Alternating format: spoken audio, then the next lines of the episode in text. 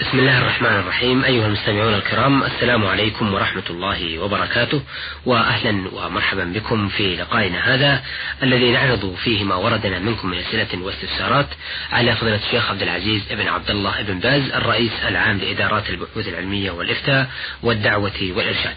فضيلة الشيخ عبد العزيز لدينا مجموعة كبيرة من أسئلة السادة المستمعين لعلنا نتمكن من عرض خمس أو ست رسائل منها ونبدأ برسائل المستمع عدنان كريم من بغداد في العراق وعبد الله حسين بن علي من الطائف الشرقية وناجي مصلح عبد الله من دولة البحرين وعبد بن حمد آه، من خميس مشيط وزوجة طبيب مسلم. آه، نبدأ برسالة عدنان كريم من بغداد يقول إذا كفر أحد الأشخاص بالله والرسول فهل يحرم على الشخص أن يقول له استغفر الله؟ بسم الله الرحمن الرحيم. الحمد لله رب العالمين والصلاة والسلام على عبده ورسوله وخليله وأمينه على وحيه نبينا وإمامنا محمد بن عبد الله وعلى آله وأصحابه ومن اهتدى بهداه. أما بعد من كفر فإن الواجب على من حوله من المسلمين أن ينصحه وأن يوبخه على ما فعل ويبين له سوء عمله ويأمره بأن يستدرك أمره ويتوب إلى الله مما فعل. هذا هو المشروع هذا هو الواجب. لقول النبي صلى الله عليه وسلم رأى منكم منكرا فليغيره بيده. الحديث. ولأن هذا من الدعوة إلى الله. ومن النصيحة لعباد الله. وقد قال النبي صلى الله عليه وسلم من دل على خير فله مثل أجر فاعله. وأعظم الخير الدلالة على الإسلام والدعوة إلى التوبة من الردة. هذا أعظم الخير. وقال عليه الصلاة والسلام لعلي رضي الله عنه لأن يهدي الله بك رجلا واحدا خير لك من حمل النعم كونه ينصحه ويوجهه ويقول أستغفر الله تب إلى الله. هذه جريمة عظيمة هذا منكر عظيم هذا كفر وضلال لعله يرجع فيتوب هذا خير عظيم وعمل صالح. نعم. آه هذه رسالة وردتنا من عبد الله حسين بن علي من الطائف من الشرقية. شارع عكاظ يقول فيه لدي سؤال وهو كما يلي أفيدكم أفيدكم أنني رضعت على ابنة عمي أكثر من الرضاعة الشرعية بكثير جدا فأصبحت أخا لها بالرضاع والسؤال هو هل يجوز لي أن أتزوج من إحدى أخواتها؟ وهل يجوز لأخي أيضا أن يتزوج من إحدى أخواتها؟ علما بأن لأختي هذه أختان في سن الزواج. أعيد السؤال. آه يقول في رسالته آه، أرجوكم إفادتي أنني رضعت على ابنة عمي أكثر من الرضاعات الشرعية بكثير جدا فأصبحت أخا لها بالرضاع. والسؤال هو هل يجوز لي أن أتزوج من إحدى أخواتها وهل يجوز لأخي أيضا أن يتزوج من إحدى أخواتها؟ علما بأن لأختي هذه من الرضاعة يعني أختان في سن الزواج. أفيدوني أفادكم الله. إذا كنت رضعت أيها السائل من أمها أو معها من امرأة أخرى رضاعا كثيرا خمس مرات فأكثر فإنها تحرم عليك وحدك تكون أخا لها. ولا تحرم على إخوانك لأن إخوتك ما رضعوا من أمها ولا رضعوا من امرأة ارتضعت منها. فيكونون أجانب ولا حرج عليه في نكاحها ونكاح أخواتها أما أنت فلا إذا كنت رضعت من أمها أو من امرأة غير أمها أرضعتكما جميعا أنت وأنت وإياها. فإنك تكون أخا لها. إذا كان الرضاع خمس رضاعات وكان في الحولين. كان رضاع رضاعك من أمها وأنت في الحولين. وأما إخوتك فلا لا بأس عليهم أن ينكحوها أو ينكحوا أخواتها. وهكذا أنت. إذا كنت رضعت معها من امرأة أخرى فلك أن تنكح أخواتها من شئت من أخواتها. أما إذا كنت رضعت من أمها فإنك تكون أهلها ولأخواتها جميعا من أمها وأبيها. إذا كنت رضعت من أمها من لبن أبيها صارت أخواتها أخوات لك من أبيها وأمها جميعا دون إخوتك. نعم. آه هذه الرسالة وردتنا من ناجي مصلح عبد الله من دولة البحرين. يقول فيها آه ما حكم من دخل المسجد بعد طلوع الفجر؟ هل يصلي سنة تحية المسجد أو يكتفي في سنة الفجر؟ وفقكم الله. نعم يقول ما حكم من دخل المسجد بعد طلوع الفجر؟ هل يصلي سنة تحية المسجد أو يكتفي في سنة بسنة الفجر؟ الأفضل يكتفي بسنة الفجر وتقوم مقام التحية. كما أن الفريضة تقوم مقام التحية. لو جاء وقد أقيمت الصلاة صلى معهم وصارت الفريضة قائمة مقام تحية المسجد. المشروع أنه لا يجلس إلا بعد صلاة. فإذا صلى تحية المسجد سنة الفجر كفت. وإن جاء وتقام الصلاة كفت الفريضة عن تحية المسجد. فإن صلاهما صلى تحية ثم سنة الفجر فلا حرج لكن ترك هذا أولى. الأولى والأفضل أنه يصلي سنة الفجر يعني الراتبة ويكتفي بها عن صلاة التحية. لأن الرسول صلى الله عليه وسلم كان يصلي بعد الفجر ركعتين فقط. ما كان يرجع ركعتين بعد بعد بعد طلوع الفجر وهي سنة الفجر. فالأفضل أن لا نزيد على الركعتين. فإذا صليناهما لقصد سنة الفجر كفتا عن تحية المسجد. نعم. سؤاله الآن. لكن لو صلى لو, لو صلى الراتبة في بيته صلى سنة في بيته ثم جاء إلى المسجد قبل أن تقام الصلاة فإنه يصلي تحية المسجد حينئذ قبل أن يجلس. لأن لأن حينئذ ليس عنده سنة الفجر قد صلاها في بيته فيصلي تحية المسجد ثم يجلس. نعم. آه، سؤاله الآخر يقول ما حكم كشف المرأة لشعر رأسها أمام الأجانب؟ وهل يعتبر عورة؟ وإذا رفضت المرأة ستر شعرها فماذا يجب على زوجها اتخاذه وفقكم الله؟ لا شك أن إظهارها شعرها للأجانب منكر ومن أحسن زينتها ومن أعظم زينتها وهو عورة فالواجب أن تستره عن جميع الأجانب ما عدا محارمها فهي تستره عن أخي زوجها وعن زوج أختها وعن عم زوجها وعن خال زوجها وعن بني عمها وعن جيرانها وهكذا بقية الأجانب تستر كما أن الواجب أيضا ستر الوجه على الصحيح يعني عورة.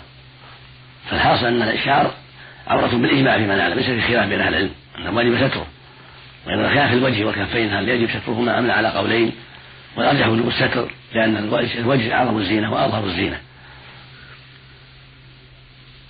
نعم.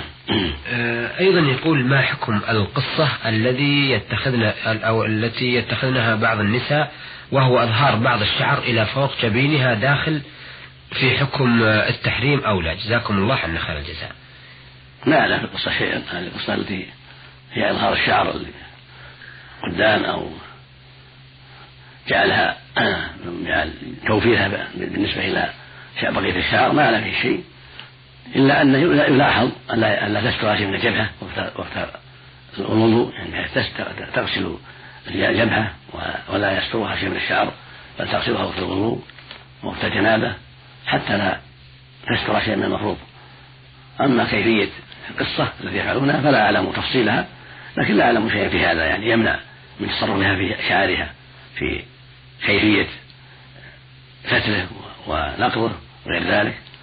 كل هذا إليها تصرف فيه إلا أنها تنهى عن عمل يشابه أعمال الكافرات تشبه بكثرة نعم. أما كونها تجعل رأسها ظهيرة واحدة أو ظهيرتين أو ثلاث ضفائر كونها تزيد في شعر القصة وتقص من أطراف العمايل أو من شعر أو من بعض الشعر من جهات أخرى ما أعلم شيئا في هذا إلا أن الأولى والأفضل أن يكون رأسها معتدلا وأن تكون شعورها معتدلا ليس فيها تمثيل وليس فيها شيء يلفت النظر بل تكون حالتها معتدلة في شعرها وفي تصرفاتها.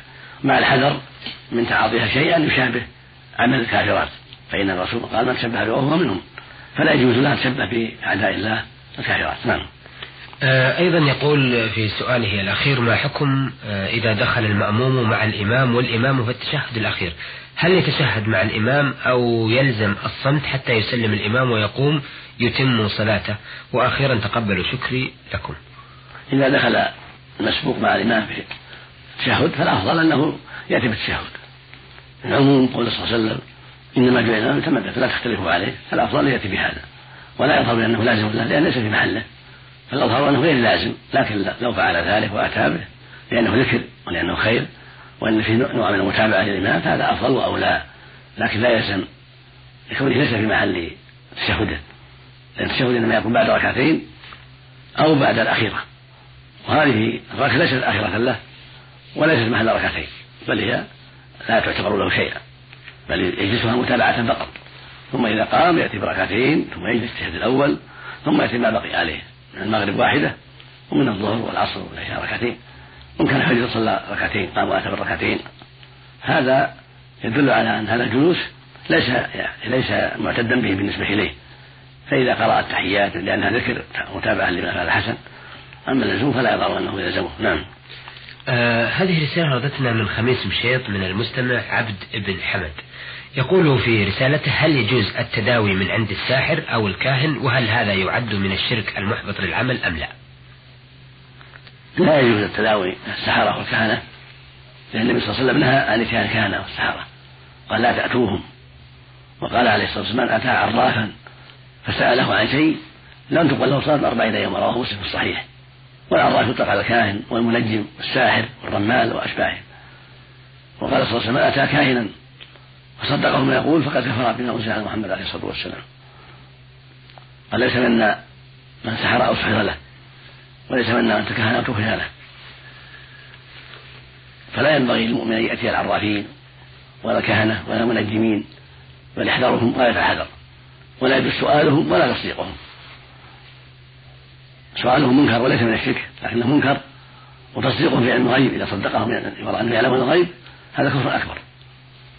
لأن علم الغيب إلى الله سبحانه وتعالى. فمن زعم أن أحد يعلم الغيب الرسول صلى الله عليه وسلم أو غيره فهو كافر. لأن علم الغيب إلى الله سبحانه وتعالى. قال تعالى قل لا يعلم من في السماوات والأرض الغيب إلا الله.